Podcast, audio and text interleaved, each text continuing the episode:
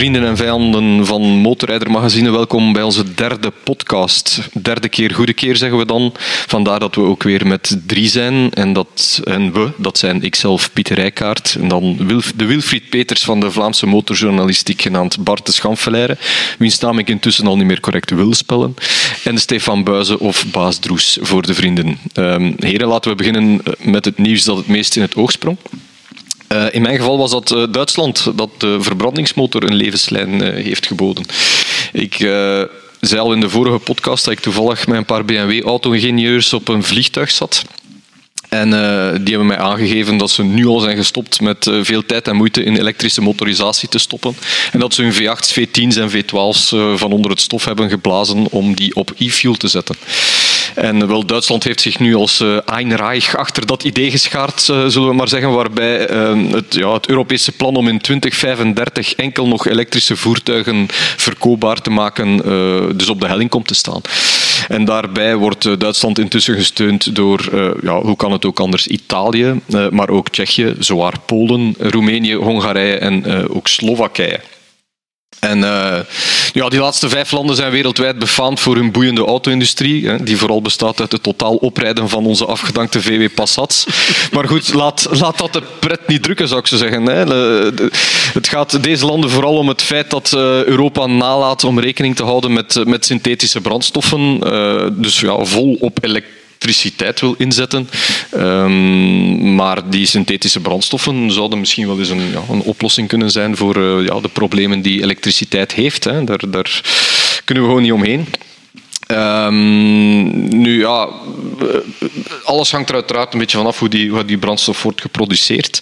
Um, zoals Porsche het gaat doen in, in Chili, die hebben daar een, een, uh, ja, een plant of een fabriek uh, opgestart. Um, die draait op windenergie, want dat is het grote probleem. E-fuel of, of synthetische brandstoffen maken kosten heel veel energie, maar zij gaan het met wind oplossen. dat is natuurlijk nog de transport, want die brandstof moet natuurlijk van Chili naar hier overgevlogen worden. Maar er zijn een aantal zeer grote voordelen. En die zijn dat de, de, huidige verbrandingsmotoren zo goed als uh, onveranderd op die uh, synthetische brandstof kunnen draaien. En dat de infrastructuur er is in de vorm van tankstations. Um, Absoluut. Ja, wel, en nu um, zitten we natuurlijk nog met een Belgisch probleem genaamd Lydia Peters, die, uh, die al vanaf 2027 een verbod op verbrandingsmotoren wil, uh, of toch de verkoop. En uh, ja, ik probeer ons Lydia nu al een, een dik jaar te spreken, zowel over de keuring als dit voorval, maar je had beter de fucking Yeti als minister van Verkeer gehad qua bereikbaarheid. Dus uh, ja, geen idee hoe het verder moet nu in België. Um, ja, waarbij het hier ook wel eens gezegd moet worden dat het voorlopig alleen om personenwagens gaat. Uh, de motoren worden voorlopig nog even vergeten. Maar um, niet door ons, Droes, want uh, wij gaan ons duid in het uh, synthetische brandstofzakje uh, doen, nietwaar? Absoluut, ja. Dus we hebben daar onze oude biobleed van onder het stof gehaald. Wat was de biobleed? Dat was een VFR 800 van 98 die we uh, aangekleed hebben met een voorvork van een Fireblade, een uh, uitlaatsysteem, uh, Fireblade-achtig, prachtig gemaakt, met de kuip van een Honda SP2, waar we no budget mee gereden hebben, maar die we ook laten draaien hebben op biobrandstof. En dat was toen gemakkelijk te doen met een eenvoudige Power Commander. Nu zitten we in een nieuwe fase milieutechnisch, hè, met de e-fuel die meer en meer bereikbaar zal worden. Zo hebben we met het uh, Nederlandse Ecomax uh, kunnen afspreken dat ze eind april hopelijk enkele vaatjes e-fuel onze richting kunnen uitsturen.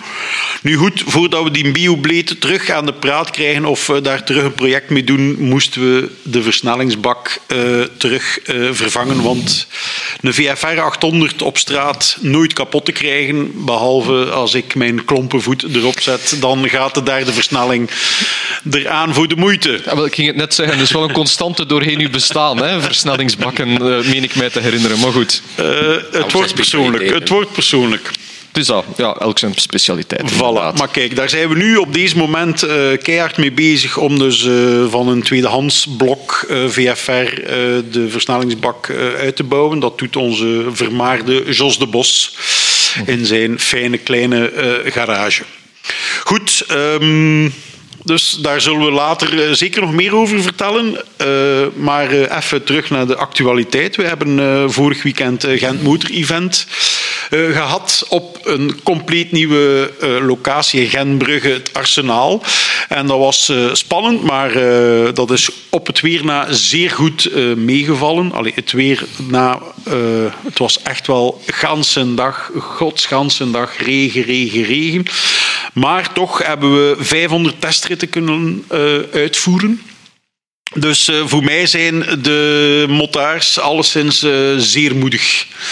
Uh, op niveau van de Halliers, um, zo, zal ik maar zeggen. Maar kijk, Pieter en Bart die hebben de testritten op hun genomen. Dus die zullen meer kunnen vertellen over de zwemstonden. Ik, ik heb ze voor een deel op mij genomen. Want ik was na drie ritten kletsnat tot op mijn vel. En ik heb me dan gaan verschuilen in de, de wat was het, de Triumph container. Waar dat er toch iets of wat van verwarming was. Ja, um, ja echt waar. Uh, heel veel respect voor de mensen die uh, de hele dag toch uh, testritten zijn blijven rijden.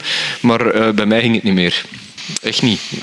en ik ben nu, allez, al zeg ik het zelf, van geen kleintje vervaard, maar ik was gewoon koud tot in mijn kleine teen. En ja, kijk, dus... Bart heeft het wel volgehouden. Ja, ik heb inderdaad mijn volledige dag besteed aan rondjes rijden mm -hmm. ten zuiden van Gent. En ik dacht, s morgens, ja, dat, dat, was echt oude weven en peperstelen tegelijk aan het gieten. Ik dacht, als er hier tien man afkomt, zal het veel zijn. Maar ze waren daar ineens. Ze waren met veel. En ze bleven komen. Hè. Iedere keer, uh, ieder kwartier als er een nieuwe groep van start ging, stond er een verse lading uh, krijgers klaar om te vertrekken. Sommigen lichtjes onderkleed, zoals in een motorjeans en zo'n houthakkershemd. En bijna op sandalen op een S1000 RR. Maar goed, het ging allemaal goed ook en het bleef goed gaan. En het bleef regenen en het volgende kwartier waren ze er weer. Ik had ondertussen zoveel rondjes gereden dat ik dacht dat ik begon te hallucineren, want ik zag twee dromedarissen langs de weg. En toen pas viel mijn frank dat we iedere ronde aan het Harry Malter dierenpark passeerden. En toen dat we de volgende ronde passeerden, waren ze zelfs al met vier die dromedarissen. Dus zo snel hadden die gekweekt. Uh, ongelooflijk. Ja, absoluut. Dus um, ja, motorpassie, onversneden motorpassie. En dat doet, uh, ik vond die duizend uh, testritten vorig jaar spectaculair in het goed weer. En uh, ja. die 500 van dit jaar, bij dit rot weer, vind ik eigenlijk nog een veel grotere opsteker. Dus dat wil zeggen dat er sowieso nog, ja, dat er nog veel vuur in de motorrijders zit. Uh -huh. Absoluut. En daarom kunnen we nu al zeggen dat we volgend jaar op 21 april terug op het Arsenaal Gent Motor Event zullen gaan organiseren. we hadden dit jaar een kleine 200 motoren te testen. Dus uh, ik weet niet of dat we dat volgend jaar kunnen verbeteren, maar ook dat al is de moeite waard om uh, langs te komen. Maar daar houden we jullie wel uh, van op de hoogte. Ja, zoals gezegd, heel veel uh, gepassioneerde mensen gezien. En um, over gepassioneerde mensen gesproken. Er is mij nog iets in het oog gesprongen deze maand. En, in de vorm van een traan zelfs. En dat is het overlijden van Fred Fourgot. Um, ja, die naam zegt velen wellicht niks, maar Fourgot was de man achter het merk Mesh. En uh, ik ben dat merk pas echt gaan appreciëren door de man te leren kennen. Uh, Fourgot was uh, in de eerste plaats een, een, een racer die later motordealer is geworden. Um, die heeft dan een eigenhandige multimerken motorzaak uit de grond gestampt. Nadien is die Ipone-olie gaan verdelen in Frankrijk. En die heeft van daaruit zijn droom om zijn eigen motoren te gaan bouwen waargemaakt. Uh, waarbij hij de grondlegger is van de Chinese motoren die gerebrand worden naar iets uh, Europees. En um, ja, laten we zeggen, ik heb de man lang verdacht van uit te zijn op puur geldgewin. Uh, met, ja, laten we gewoon eerlijk zijn, weinig kwalitatieve motoren. Maar die man had echt het motorhart echt wel op de juiste plaats zitten. En um, ik denk dat zijn bedoeling in de eerste plaats was om, om de soort ja, Japanse invasie van de jaren 60 over te doen, maar dan ja, op zijn Chinees nu. En um, die heeft heel veel mensen op de motor gekregen. Want uh, op heel kort, ik denk dat Mesh in 98 is ontstaan. En uh, op heel korte tijd uh, zag je heel veel Mesh rondrijden. En, en die is denk ik heel belangrijk geweest in het heel veel nieuwkomers op de motor te krijgen. En eens dat ze op de motor zitten Raakte ze niet zomaar kwijt? Nee, het is dat. Ehm, en wat voor mij heel belangrijk was, is uh, die presentaties uh, van Mesh of, of de andere merken die hij importeerde. was bijvoorbeeld ook Royal Enfield importeur en uh, Motomorini importeur in, in, in Frankrijk. En via Frankrijk dan ook voor de Benelux. Um, dat was die kerel die reed gewoon super graag met de motto, die wist waarover hij sprak. Um, en die sprak er ook echt graag over. Um, en dan, ja, dan waren er van die dingen. Dat, ja, in in, in de, de showroom komt van zijn bedrijf en daar staat dan uh, een Gordini Formule 1 auto uit de jaren uh, 50. En uh, ja, dan heb je mijn aandacht natuurlijk. Hè. Ik denk dat er in de hele motorbranche misschien geen ik ken geen vijf mensen die Gordini Formule 1 kennen, maar als je daar dan een uur met die mens staat over te praten, dan heb je wel, ja, wel door dat die mens zijn, zijn uh, hart voor alles wat uh, auto's en motoren zijn, echt wel op de juiste plaats zit. En we moeten gewoon eerlijk zijn, dat wordt een zeldzaamheid, dat soort mensen. Of die worden steeds zeldzamer. Die, die mensen die echt met ja, bezieling uh, ja, die motorbranche de, de, de schouders eronder zetten. Um, ja, en, en ook met een soort echtheid uh, die, die vanuit, vanuit, zijn, ja, vanuit zijn onderbuik komt. Hè. Ik, ik ben net terug van de Ducati Scrambler launch in, uh, in Valencia. En dat was een beetje het andere uiterste, zullen we maar zeggen. Ik, ik, allee, uh, het hipsterdom is daar, wordt daar zo door je strot geramd uh, dat het er gewoon, allee, in mijn geval, onnozel van wordt. Hè. Ik bedoel, ik sloeg alle kleuren van die scrambler uit op een gegeven moment. Het zijn er veel. Maar um, gelukkig is die scrambler een goede motto. Hè. Laten we het positief houden, daar gaat het hem niet om.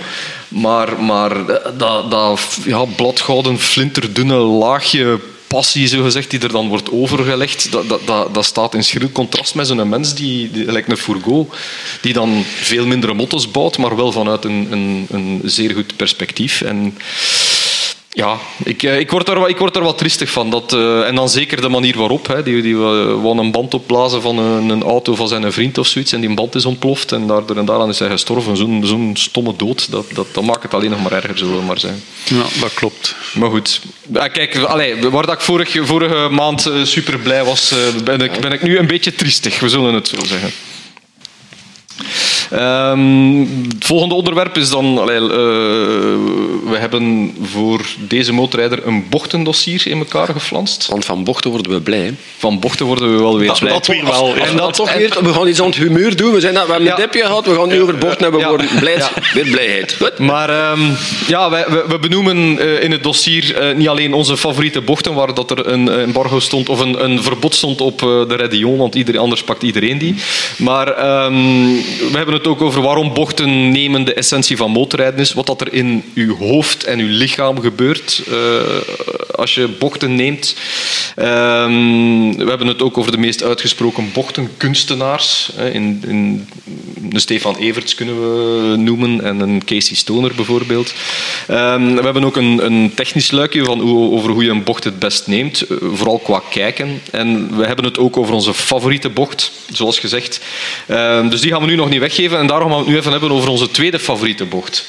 Bart, ik uh, kijk eerst naar u. Ja, eh, verwacht van mij dus geen epische verhalen over snelste rondetijden en dergelijke, want ik ben niet zo'n circuitmens. Ik ben er letterlijk en figuurlijk redelijk snel op, uh, op uitgekeken. Na vijf rondes op een circuit denk ik van, ben hier al vijf keer geweest. Geef mij maar de motor dus om de wijde wereld te verkennen. En dat doe ik ook uh, graag op de fiets, zoals dat de meeste van jullie wel weten. Anders komen niet aan al die bijnamen uit de fietsenbranche. Uh, mijn tweede leukste bocht ter wereld is eigenlijk gekozen omwille van een zeer cynisch vangrailke dat er staat. We hebben het over de eerste bocht als je de Mont Ventoux afdaalt richting Malocijn. Je komt van, van helemaal boven uiteraard, want anders is de eerste bocht niet.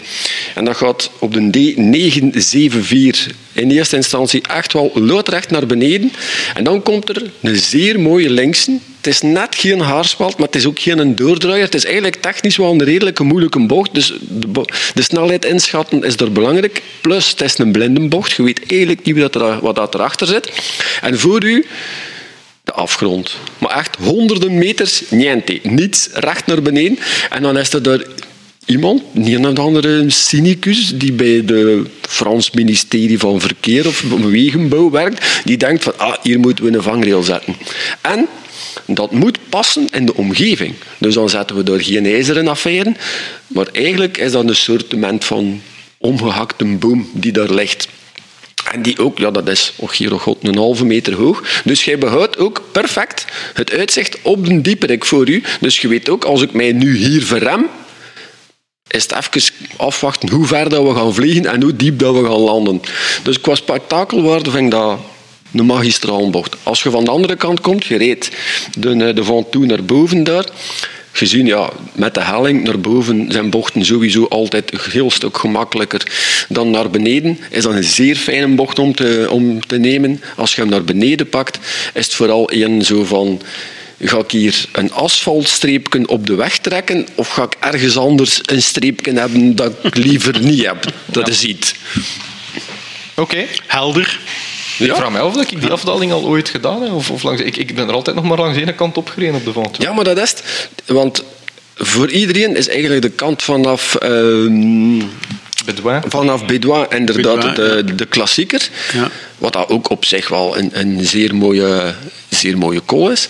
Maar de kant van Malocijn is om vele redenen is eigenlijk als motorrijder de leukere kant, zowel om naar boven als naar beneden te rijden. Want het is een veel moeilijker in te schatten kool. Je zit met hele snelle stukken. En waar, dat dan in, waar dat er echt keihard moet aangeremd worden voor een haarspeld te halen. Terwijl dat eigenlijk de kant van Bedouin een heel stuk gemakkelijker is, veel vloeiender is, zit er veel meer lijn. En de andere kant van Malocijn, zowel in de stijgingspercentages als in de bochtensecties, is een heel stuk moeilijker. En, en de supermooi om ook, eigenlijk de derde kant naar Sult is ook zeer mooi. Zeer geleidelijk, maar dat komt ook in een heel ander landschap terecht. Dus sowieso van alle drie de kanten een keer doen. Top regio om te rijden ook trouwens. Als je alle drie de kanten van de Van Toe doet, naar boven en naar beneden, kunnen daar in de omgeving Gorge de Lanesque de kleine Col de la Madeleine erbij pakken. Daar kun je wel een dagje amuseren met, uh, stuurwerk. Mm Nee, maar het klopt. De, de Van Toe is een, een, een geestige berg om op te rijden. In, in vergelijking met bijvoorbeeld de, de, de Stelvio, waar dat iedereen zo'n spel van maakt. Ik, Ja, vind, dat daar is dus, niks aan. ik vind daar niks aan. Nee. Met, de, allee, met, de, met de fiets misschien, maar met de motto vind ik daar geen hol aan. Het me. Ja, het is een opeenvolging van haarspalbochten. hè. Ja, het is dat. Ja, maar ook de- bij de staalview, de achterkant, als je dan aan de achterkant naar beneden gaat, dan is het weer veel leuker. Minder auto's, minder fietsers, minder kiezeltjes op de weg. Veel plezanter, maar het, het, ja, inderdaad, de, de klassieke staalview is als motaar, vind ik, redelijk saai. Ja. Ja, de laatste keer dat ik hem gedaan heb, was met een zero. Om te kijken hoeveel keer dat ik er op en af geraakt ben. Ik denk dat ik, dat ik aan zes keer geraakt ben of zo. Dan, eh, dus ja, die, die kant. En, en dan die keer met u, het is juist, eh, Droes. Dat jij met de fiets omhoog reed en dan wij moesten met de motto op en af. ja, dat was hem om van toe. Hè. Dat was de Van Toe. Ja. De Van Toe. Ja, ja, niet de. Stelvio. Ja. Nee, nee, nee. De, de Van Toe wel degelijk. Ja. Dus ik denk dat ik die ondertussen op twee dagen tijd misschien al ja, een keer of twintig of zo op en af gereden heb. Dus eh ja. Toffenberg, kom. Roes, wat is uw eh, tweede favoriete bocht? Oh, ik heb het van deze keer simpel gehouden. Eh, ook een keer op straat. Een bocht, dat eigenlijk een, een, bocht die mij toch een beetje de, de, de mini-Vlaamse Rédéon is op de openbare weg. Eh, van Bottelaren naar Landskouter heb je een eh pokken slecht eh, gebouwde betonbaan met een spoorweg. Maar het gaat omhoog. Je gaat dan eerst even naar links tussen de huizen en dan onmiddellijk weer naar rechts naar beneden. En komt dan uit aan de kerk van Landskouter. En Landskouter kennen we natuurlijk van onze charmezanger Helmoet Lotti, hè, die daar woont of woonde. Kennen, kennen wij dat van onze charmezanger Helmoet Lotti? Ik had er nog nooit van gehoord, eerlijk gezegd. Van Lotti of van Landskouter? Ja, ja. Of geen van beide. Jens Kouter, dat ken ik, maar Landskouter... Ja. Ja. Dus eh, ja, ik, eh, ik eh, ga daar graag, of ik rijd daar graag eens langs, omdat het een beetje omhoog loopt. En ja, de motto volledig in beweging gaat door de slechte betonplaten. En ik vind dat wel iets hebben. Ja. Oké. Wel, mijn favoriete bocht is, is op de openbare weg, maar mijn eh, tweede favoriete bocht is de Courbe de Poix op het circuit van Dijon-Prenois. Ehm, dat is het opkomen van het rechte stuk, ehm, waarbij dat je eerst uit de virage de la Combe komt, ook een lange rechter, vrij snel, waar dat de baan eerst heel snel naar, steil naar beneden gaat en dan, voordat je in de Poix komt, gaat die weer omhoog. En ehm, ik ben geen circuitheld, maar we hebben daar ene keer, ik heb daar enige race gedaan met de, met de No Budget Cup. Uh, op uh, wat was dat, onze Kawasaki ZX7. En ik heb nog nooit van één bocht het gevoel gehad van kijk, deze nek nu is echt letterlijk onder de knie. Dat, ik, ik weet niet, dat, dat, ik had er ja, geen enkele vorm van zelfbehoud in die bocht of zo. Dat was echt, ik ging daar platter dan dat ik ooit gegaan ben. Ik, weet nog, ik kan hem met mijn ogen dicht nog nemen. En... Uh, ja, dat is, dat is een, een, een ja, geweldig gevoel. Hè. Als, je, als je het gevoel hebt van ja, veel harder als deze, zie ik mijn eigen hier niet, uh, zie ik mijn eigen hier doorgaan. Hè. Achterband was smerend. Zo. Allee, dichter bij, bij Scott Russell ga ik nooit komen, denk ik. um, ben wel bijna eens bij, uh, dichter bij Simoncelli geraakt daar, want ik heb daar ooit een, uh, dat was toen in die race, een, iemand op een, een Yamaha R1 buitenom gepakt. En die komt uiteraard op het rechte stuk weer voorbij. Dat is een vrij lang rechtstuk. En dan vlak voor het aanremmen van de volgende bocht zet hij voor mij, die gaat vol in de ankers. Ouch. Ik heb die echt net kunnen, kunnen ontwijken, uh, maar daar heb ik echt wel mijn leven zien voorbij flitsen. Maar dat uh, doet niks af van de, de courbe de Poix. Dus als je ooit de kans hebt om, uh, om eens op Dijon Prenois te gaan rijden, is een, ik vind dat een hele leuke baan ook. Het is heel vloeiend, geen, geen chicanes, al dat soort dingen. En die Poix, dat is... ja, komt, in, komt zelfs een beetje in de buurt van, van hoe heet hij, op op, op Francorchamps, niet, uh, niet Redion, maar de andere. Help mij, Stefan. De Blanchimont. Blanchimont, dat is het, ja. ja. Maar dan met meer, uh, meer uh, verloop erin. Moet je erop met een motto met zijkoffers op die zo? Anders wil ik ook nog wel een keer. Jij, mocht, jij mocht dat ongetwijfeld. Ja, maar het is een, een, een, leuke baan. Ja, absoluut. Ja. Uh, voilà, dus zo, ik hoop dat nu de, de, de luisteraars de interesse een beetje gewekt is in, in wat onze favoriete bochten dan zouden moeten zijn. Uh, laten we het ook nog eens hebben over, over de nieuwe motoren waar dat we deze maand mee gereden want dat zijn, dat zijn er wel redelijk wat. Uh, Stefan, Husqvarna 901 Expedition, dat was eigenlijk de mijne, maar ja, meneer, wel, meneer Griep is er tussenin gekropen. Ja, dat was fantastisch eigenlijk, want ik was mijn tanden aan het poetsen en ik kreeg telefoon van Pieter van ja, ik ben hondsziek. Uh, die presentatie van de Husqvarna Northern Expedition in het mooie Zuid-Afrika. Ik ga dat echt niet doen met een vlucht van 20 uur uh, dat voorzien was. Dus uh, ik spekelde mijn tandpasta sopje uit mijn mond en ik keek heel verliefd naar mijn vrouw en ik zei: Schat, vanavond ben ik in Kaapstad. En ze draaide zich om en ze zei: Oké. Dus, nee, uh, ik, heb dat, ik heb dat al meermaals gedaan, met griep naar een presentatie vertrokken, maar deze was... Ik ben echt vier dagen plat gelegen. Dus uh, kijk, daardoor heb ik dus mijn kans gemist om uh, ja, Zuid-Afrika van, van dichtbij te zien. Maar hoe was de motto? Dat is misschien niet Ja, het is dat, het is dat. Dus de, de, de vlucht was hels, dus ik had het u niet aangeraden. Maar we mopperen zeker niet, want de Husqvarna Northern Expedition... Um, Laat mij beginnen met de vorige Norden. Ik, vond eh, ik vind het nog altijd een fantastisch mooie motto. Maar ik bleef zo wat bij de eerste Norden op mijn honger zitten qua deugnieterij, zal ik maar zeggen. Ik vond het een hele goede motto, doet alles perfect. Maar ja, niet zo karaktervol als zijn eh, broer, de KTM Adventure. Um, maar deze ah, die expedition is echt, echt uh, in de plaats van ready to race is de ready to rally. Uh, zou de slogan zijn. Dus uh, ze hebben er zodanig veel accessoires op gestoken dat je bij wijze van spreken uit de showroom recht, rechtstreeks naar Timbuktu kunt rijden zonder dat je nog een vijs moet veranderen. Dus de grote veranderingen zijn de WP Explorer voor- en achtervorken, die enorm veel mogelijkheden geven qua instellingen, die de motorfiets ook iets hoger zet Daarnaast is de rally-modus uh, nu standaard. Dat was ervoor een optie, is nu standaard. Heel veel leuke mogelijkheden. Dat blok is sowieso de max. Zo plezant blok. Dus je kunt van een staan een tweecilinder toch nog altijd iets, um, iets leuk maken. Ja, uh, Bart, ik kijk dan naar u. Je hebt misschien wel een van de meest ver, allee, geanticipeerde motoren om uh, José de Kouwer zijn woord te, te pikken. Ja. uh, onder, onder uw kont geschoven, zijn dat een Transalp? Ja, wel, als er nu natuurlijk één model is waarbij je de laatste 15 jaar niet meteen aan het woord deugnieterij dacht, dan was het wel een Transalp. geen afbreuk aan de bouwkwaliteit, maar... Het was een Deauville opsteld, hè? Dat een, een Deauville op hoge poten. Het was niet dat iedereen daar geweldig enthousiast of om te naar vorige maand, geweldig blij van wordt. Uh, maar goed, er is nu natuurlijk dat nieuw blok dat ook in de, in de Hornet uh, gezet is om die reden eigenlijk vertrok ik ook wel met enig voorbehoud naar die presentatie.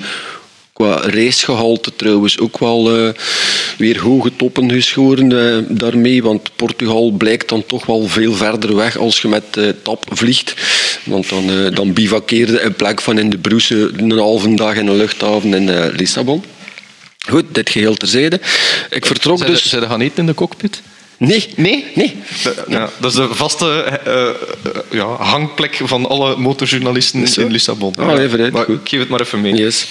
Goed, maar ik vertrok dus met uh, redelijk wat vraagtekens naar die presentatie, want ik wist dat de paralleltwin die ze gebouwd hebben voor de Hornet, dat dat toch een redelijk hoogtoerig karakter uh, heeft. Wat dat niet altijd te rijmen valt met een motor met lange veerwegen, voeg daar een terugkeer naar een 21-inch voorwiel bij. Voor een moto die toch eigenlijk bedoeld is om enkel op de weg te rijden. Zaten er een aantal vraagtekens, schuine streep, angels aan, waar ik dacht van wat zal het uiteindelijk zijn met die moto? En het viel enorm goed mee. Het is voor een motor met een 21-inch wiel heeft hij op de weg een heel neutraal rijgedrag, loopt niet weet. Uh, vering, dat is nog een beetje een mossel nog visgehalte, vind ik. Misschien voor de weg net iets te zacht, terwijl dat je dan op, op slechter weg dat ik voel dat ze daar toch net iets te kort schiet misschien.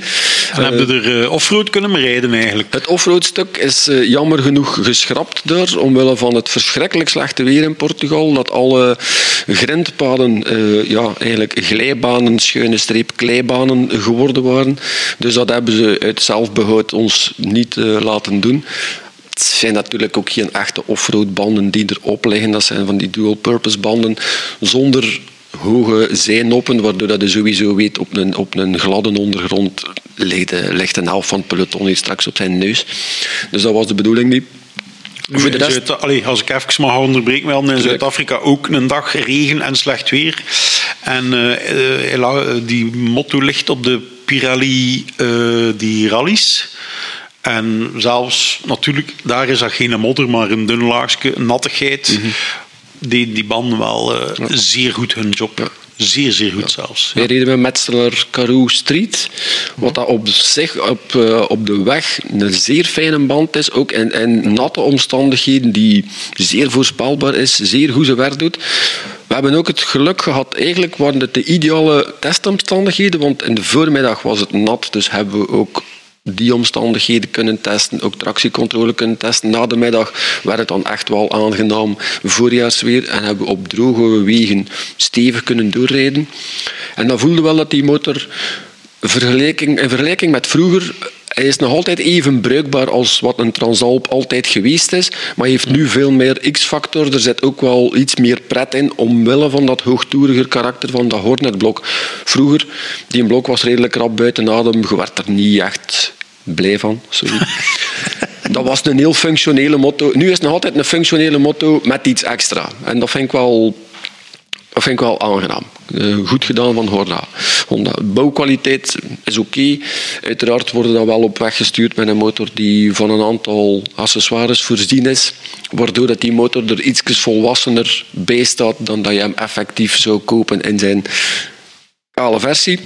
Um, maar overal zeker niet slecht. En ook heel blij met een uh, zeer eenvoudige bediening van het dashboard. Dus de, de knoppenwinkel met de nadruk op winkel van de NT1100 hebben ze gelukkig niet overgenomen. Dus daar is wel een iets eenvoudiger systeem voor bedacht. Dus uh, ja. Ja, ik, zit me nu, ik zit me nu spontaan te bedenken, zouden ze, zouden ze een nieuwe Deauville maken ook, Honda? Wie weet, ja. Dat zou nog een keer iets zijn. Ja. Een, een, een plezante Deauville. Ja, voor u zijn, hè. een Transalp met X-factor en wat weet ik van. Een Deauville met X-factor. Ja, kijk. Nou, maar weet. ik denk, uh, het mooiste is, uh, Pieter, dat jij een wereldprimeur gescoord ja, hebt. Zo waar, als Belgisch motorblad een wereldprimeur in de vorm van de Suzuki GSX-8S. Die staat ook op de cover van de motorrijder die ondertussen in de, in de winkelrekken ligt. Um, ja, dankzij Suzuki België. Absoluut, ja. Die, eh, die deden niet mee aan de internationale perspresentatie die vandaag, terwijl we dit opnemen, eh, plaatsvindt ergens in het zuiden van Frankrijk. In de gietende regen trouwens. En ik heb er in de, in de droge Condros uh, kunnen mee rijden. En... Ehm, ik ben uh, zeer onder de indruk van die motto. Het uiterlijk is, uh, ja, oké, we gaan, we gaan uh, over smaak valt niet te twisten, zullen we maar zeggen.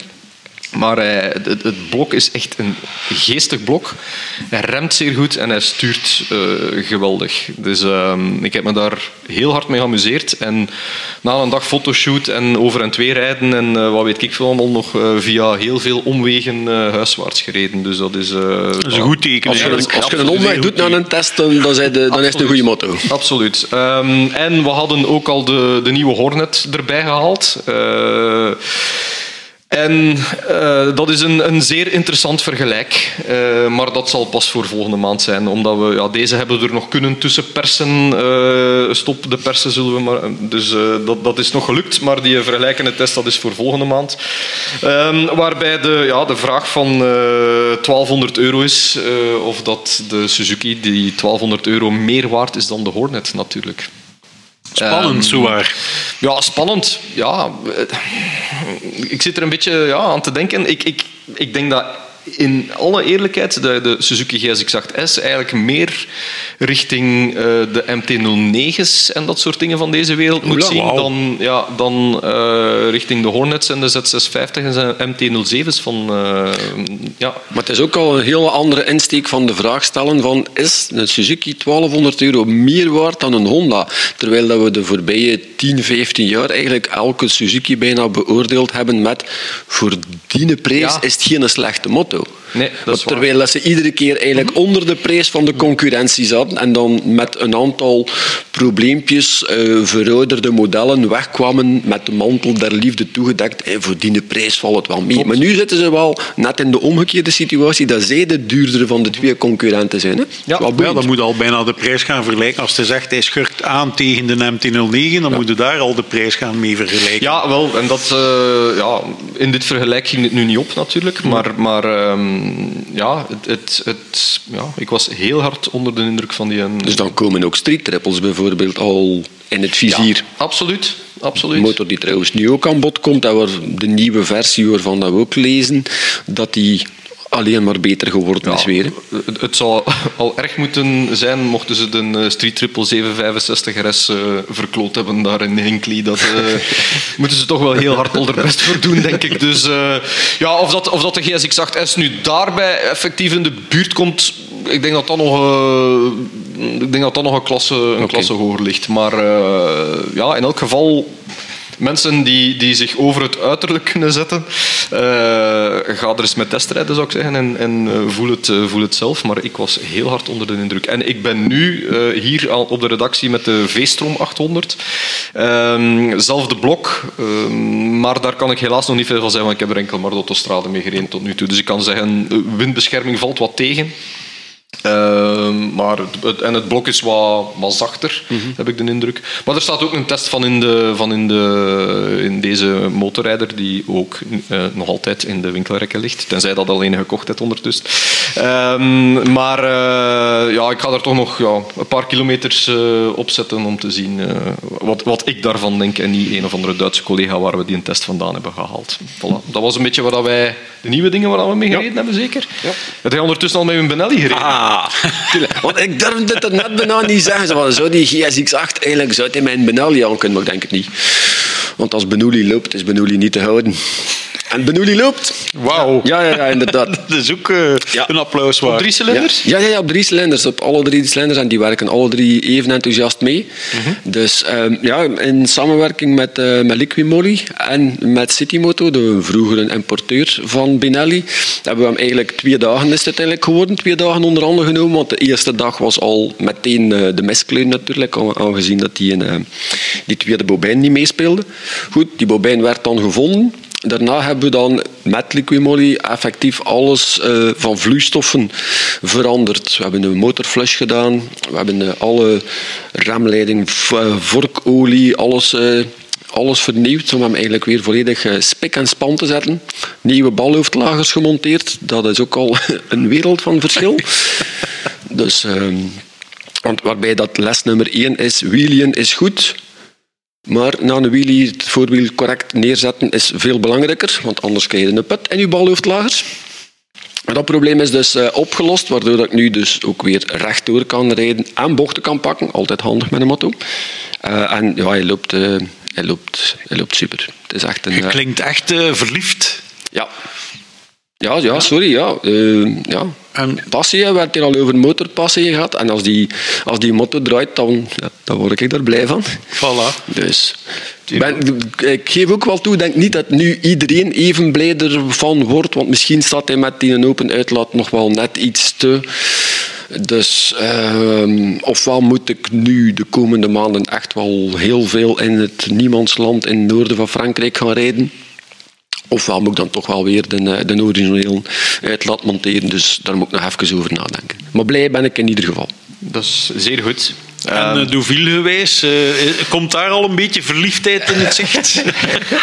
als, als, die er komt, als die er komt, geef me dan een pluts op mijn kop, alstublieft.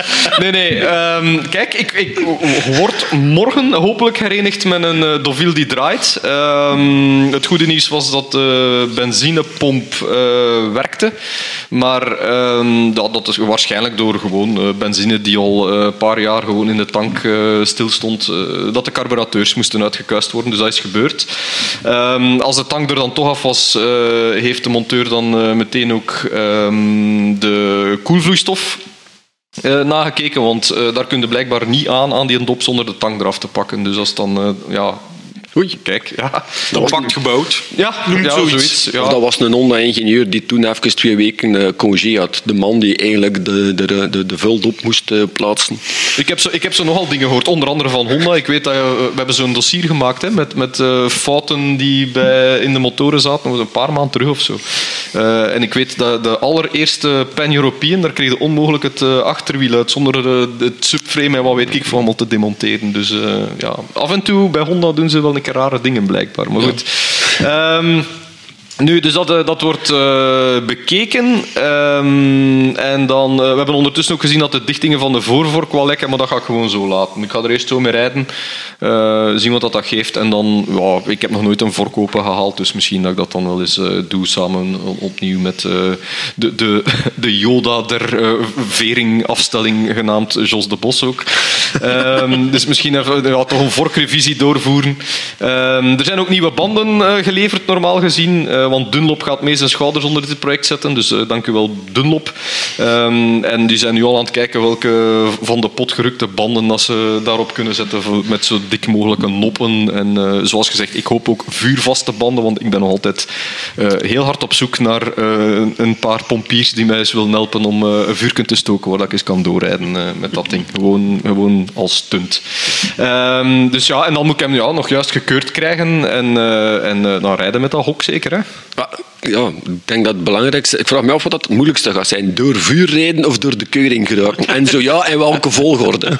Kijk, als hij, als hij weer niet uh, start bij de keuring, dan zal het alle twee zijn.